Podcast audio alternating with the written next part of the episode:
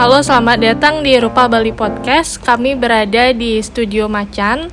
Uh, kali ini kami akan membahas kekaryaannya yang berada di fraksi Epos. Mungkin uh, masuk ke ruangan kemarin secara visual banyak mengambil um, semacam senjata ataupun fashion instalasi.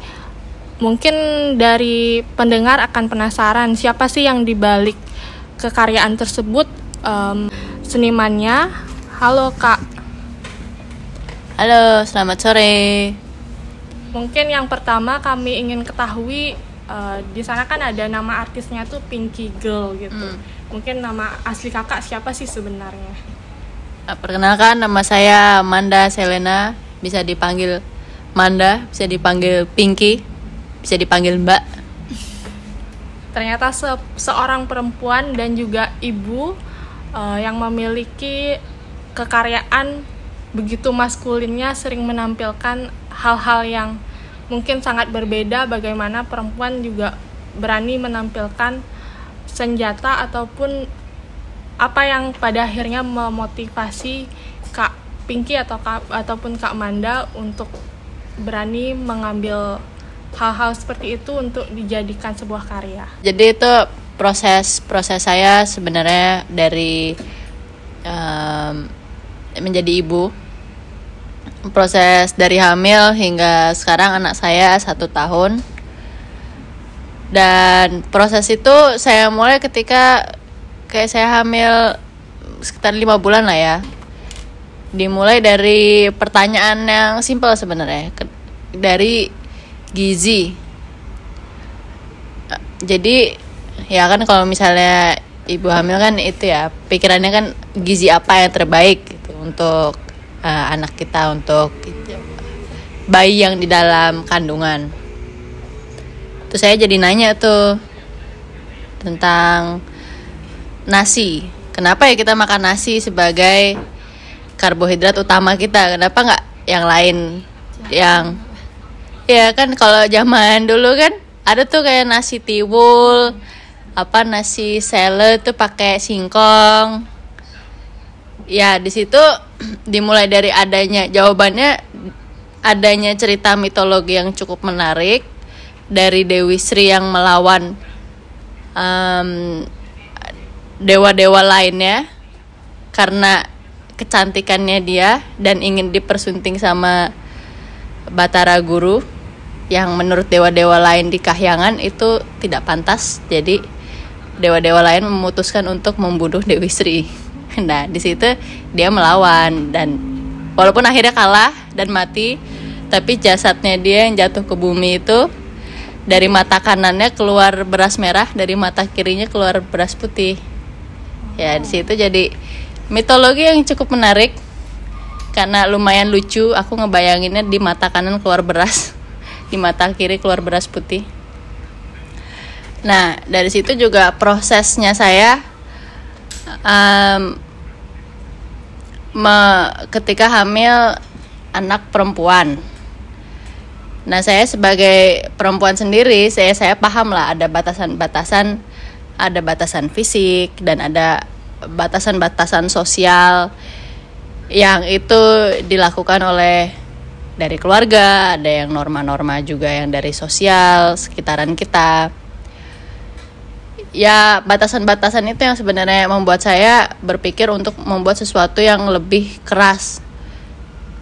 Di respon saya karena mempunyai anak itu ya sebenarnya prosesnya tidak mudah. Proses yang uh, cukup uh, violent sebenarnya ya. Ya framingnya memang bayi itu uh, sambungkan dengan kelembutan. Ibu itu sesuatu yang lembut yang penuh kasih sayang. Tapi di balik itu prosesnya cukup uh, drastis dan yang mungkin nggak banyak dibahas secara umum. Perubahan pada seorang ibu itu ada pada identitas dirinya juga. Yang ketika sebelum dia hamil sebelum dia punya anak um, perempuan-perempuan ini punya punya ide lah apa uh, punya standar-standar tersendiri akan dirinya itu siapa apa yang membentuk dirinya. Ketika value kita melihat diri kita dari keproduktivitasan ketika punya anak tuh hilangan semua ke semua waktu yang kita curahkan untuk produktivitasan itu hilang. Dari kekaryaan itu hilang waktu yang untuk buat karya. Nah ketika kita tidak mampu lagi membuat karya ketika tidak kita tidak lagi mampu untuk produktif diri kita ini siapa? Ya itu kan sebenarnya faktor eksternal ya. Produktivitasan karya yang sebenarnya ini juga dialami ketika masa-masa pandemi juga kan. Semua orang di rumah yang biasanya sibuk mereka nggak bisa eh, hal-hal uh, yang mendefinisikan diri mereka sendiri kan dari dari faktor eksternal. Ya ketika itu tiba-tiba berubah dan secara drastis ketika kita sudah membentuk diri kita nih misalnya 10 tahun lah. Hmm, dari masa selesai SMA kita mulai membentuk diri kita 8 tahun 6 tahun 10 tahun.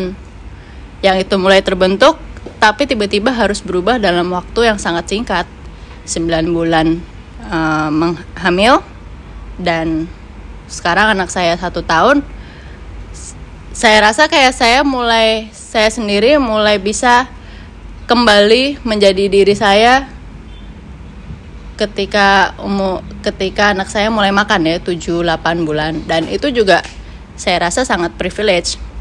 Karena ya value kita untuk uh, produktivitasan itu kan bekerja ketika kita tidak bisa bekerja kita bingung. Nah untuk bisa kembali bekerja itu membutuhkan support system. Nah di sini banyak omongan orang nih. Wah dia uh, apa kalau perempuan tuh suka menghilang setelah berumah tangga. Ya, nah itu dia. Kadang-kadang di situnya saya kasihannya bukan karena bukan perempuannya gitu.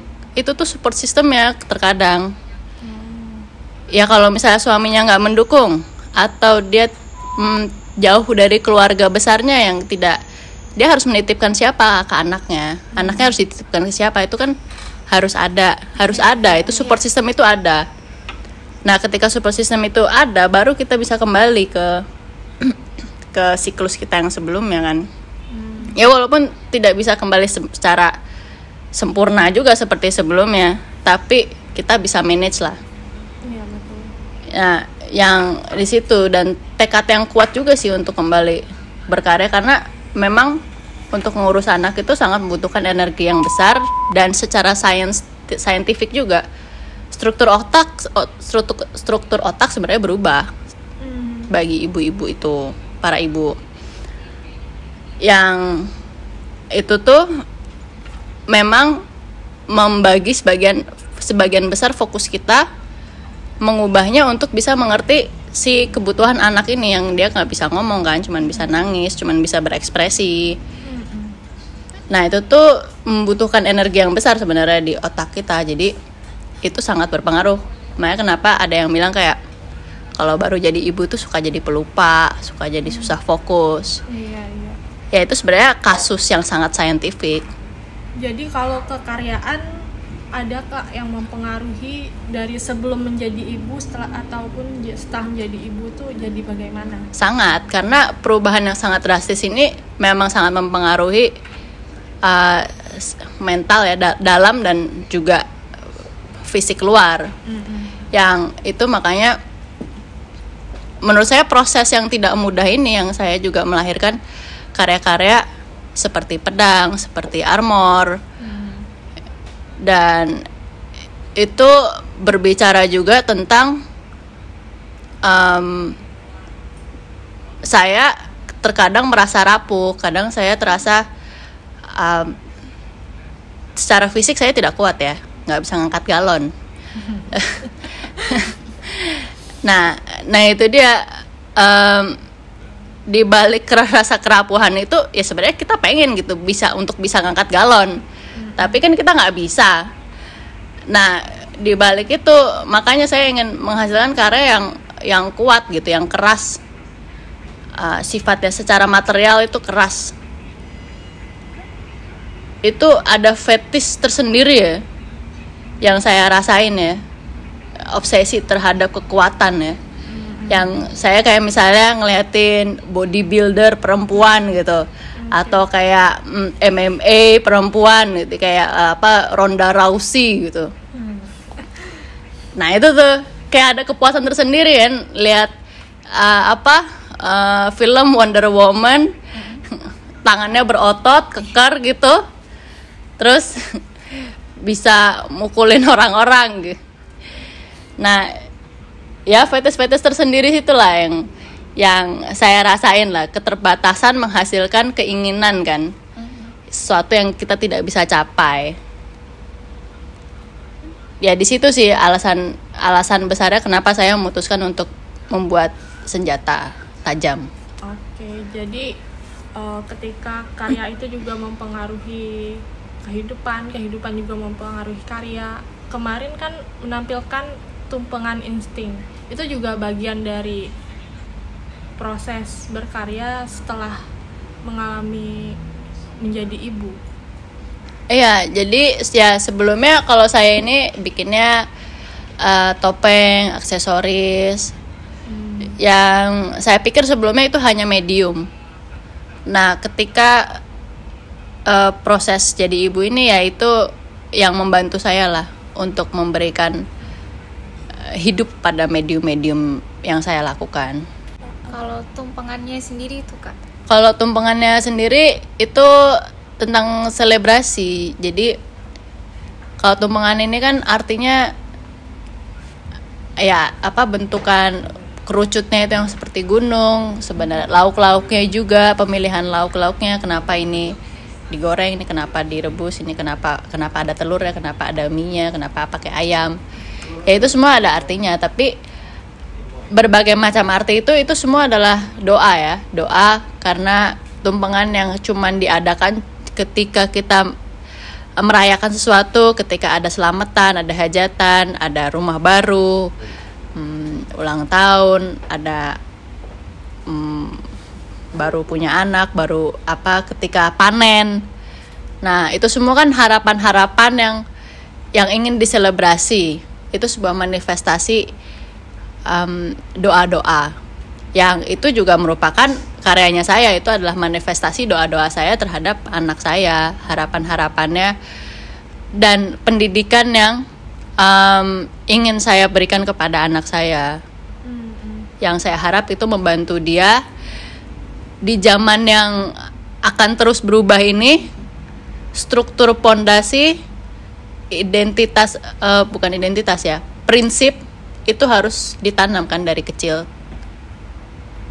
Eh, kemarin kan terlihat di ruang tersebut banyak banget konstruksi bangunan ada pun dari semen besi dan lampu lampu neon bahkan. Mungkin dari benda-benda itu apa yang sekiranya ingin ceritanya dibangun untuk audiens tersebut? Nah, pertama di situ menariknya adalah uh, saya sebagai seniman sendiri ingin menguasai ruangannya saya dalam artian uh, ruangannya itu juga berbicara membantu mengamplifikasi karya-karyanya.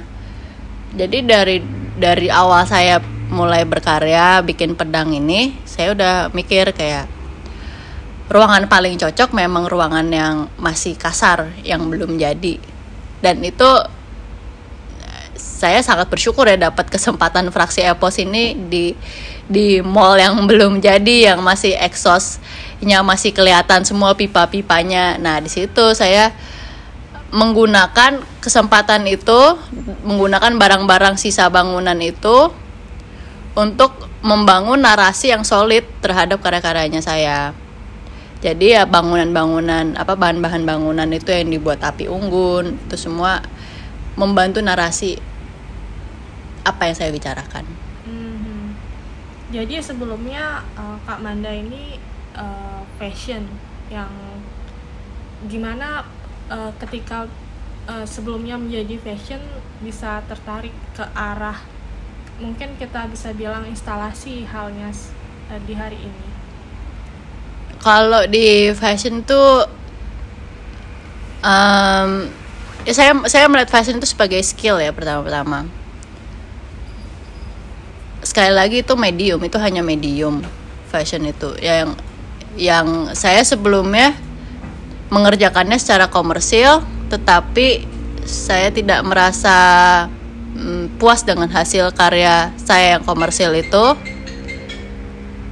Jadi eh, saya berkeputusan untuk masuk ke dunia kesenian untuk presentasi sebagai tempat presentasinya saya menggunakan skillnya saya karena di situ saya menemukan saya tidak harus terbatas dengan kepraktisan dalam memakai sebuah pakaian. Jadi ketika fashion itu kan itu sesuatu yang kita pakai, politik kita apa yang kita pakai. Tapi dalam lain hal itu harus gampang dipakai. Kalau repot susah juga. Kalau kepanasan di sini nggak bisa dipakai juga.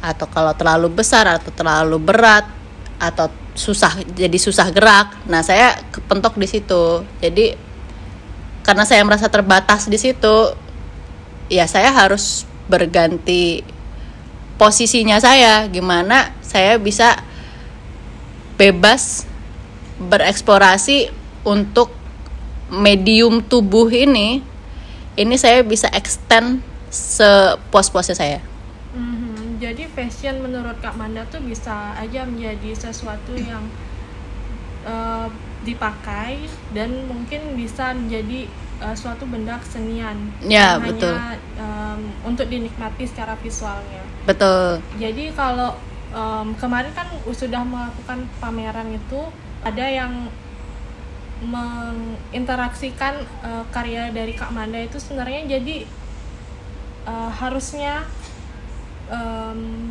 penikmat ataupun penonton tuh harusnya melihat aja tapi pada akhirnya mereka merespon. Jadi tanggapan Kak Manda itu bagaimana? ya lum- lumayan menarik ya ketika misalnya kamu nanyain hal kayak gitu. Karena ya bagi saya ya itu kesenian. Ya jangan dimainin. Karena ya kan merusak.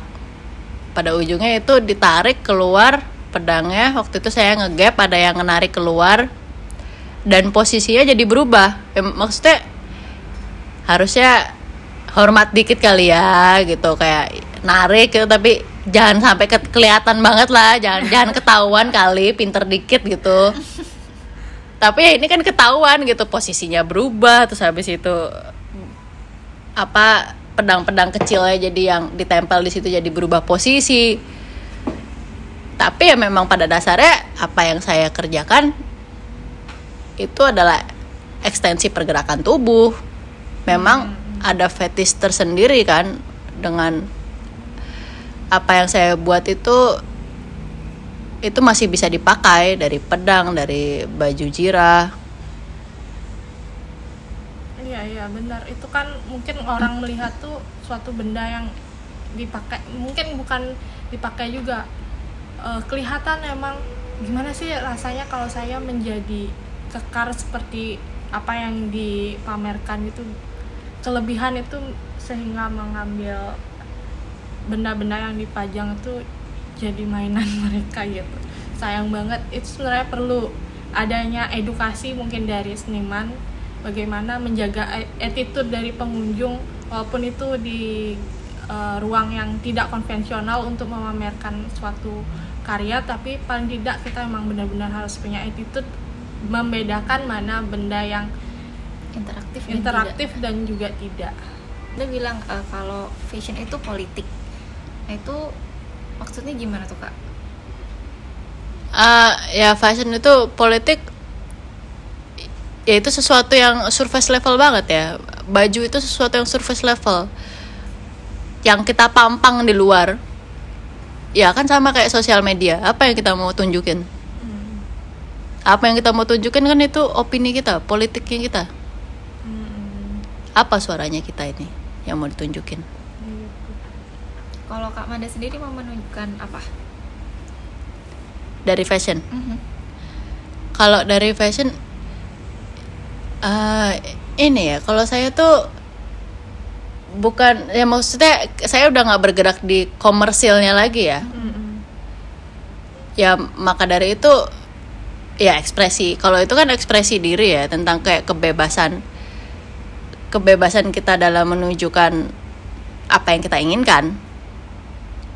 Nah itu saya amplifikasi dalam karya-karyanya saya dalam bentuk yang lebih avant-garde.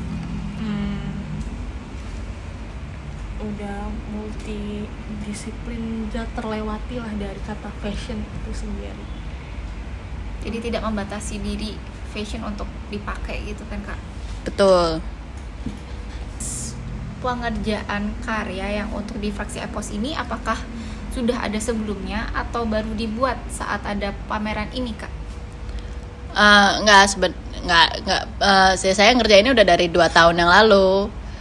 Jadi saya tuh memang kalau bikin karya tuh ya satu satu satu. Nanti ketika ada kesempatannya untuk bisa di exhibition. Nah baru tuh saya atur ditata bagaimana narasinya secara keseluruhan dalam satu ruangan. Yang berbicara maksudnya yang datang tuh tidak cuma merasakan yang di visual aja tapi juga secara rasa, secara pendengaran. Karena di hari pertama itu saya pasang musik, saya pasang eh, smoking machine dan secara warna itu semua untuk multi indera panca indera ini untuk bisa tersentuh. Yang tujuannya saya kalau bisa orang tuh ngerasain dulu energinya sebelum dia itu membaca tentang apa isinya. Nah, kalau prosesnya tersendiri, saya mulai bikin pedang ini. Ini saya bilang ini eh, gaya ini ya, apa desain tumpuk. di situ Bu. Ya. Karena apa yang kita kerjain di eh, di baju juga nih bersama suami saya di studio Macan ini, Chan Harem. Ini kan kita menggunakan baju em, second hand.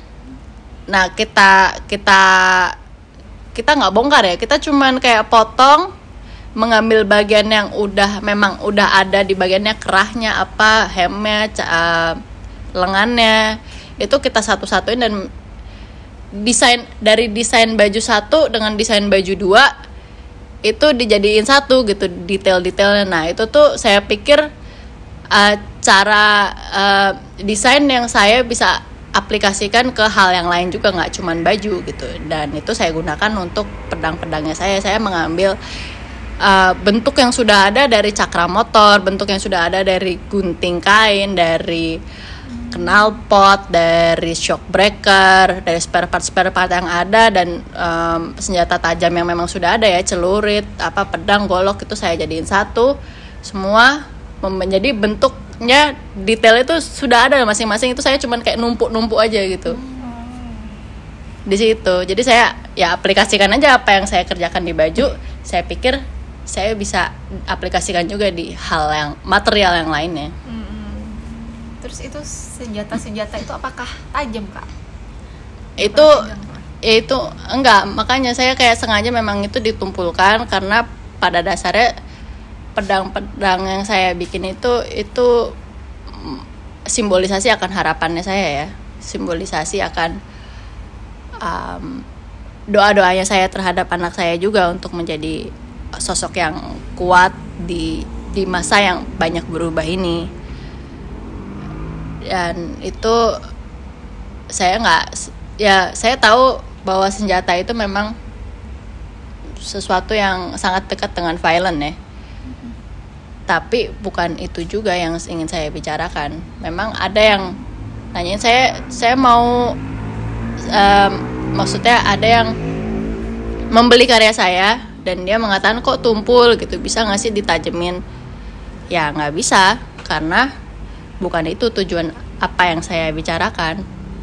Karena memang senjata tajam itu untuk melukai tapi itu juga bukan artinya. Hmm, saya nggak mau karya saya untuk melukai siapa pun. Apa kata-kata mutiara dari Kak Pinky? Gimana sebuah senjata itu Tidak bisa harus tajam. tidak harus tajam. Dia tuh juga melindungi diri tidak harus melukai orang lain. Ya ke- cukup menarik juga ya kan karena karena peradaban kita juga dimulai dari alat kan ya. Maksudnya alat kita untuk bisa memotong kayu bisa memotong pohon bisa memapas memapas batu. Ya itu kan semua tajam tapi kan satu sisi itu menolong satu sisi itu juga bisa melukai orang gitu. Iya, iya. ya dualitinya di situ menarik sih ya menurut saya. Yang memberikan topik pembicaraan tersendiri. Bagaimana persepsi orang ya tergantung makanya ada yang jahat ada yang baik ada yang abu-abu. Alat itu cuman alat. Yang yang memutuskan apa yang dilakukan alat itu kan kita. Iya. Yang make. Yang make lah. Untuk ke depannya ada rencana pameran lagi nggak kak? ada pastinya saya ingin masih ingin ngelanjutin tumpengan insting ini menjadi eh, kedua dan ketiga mungkin menjadi saga saga tumpengan tumpengan terus. Boleh lah. Oke deh kalau gitu. Terima kasih banyak penutupnya waktunya. dong Ya, yang ini yang yang heboh yang meriah Oke, terima kasih banyak atas waktunya Kak Pinky, Pinky. Kak, pengalaman pamerannya kemarin dan proses berkaryanya. Terima kasih banyak. terima kasih juga selamat sore dan salam olahraga Terima Sampai kasih. jumpa. Sampai jumpa di podcast selanjutnya. Bye bye.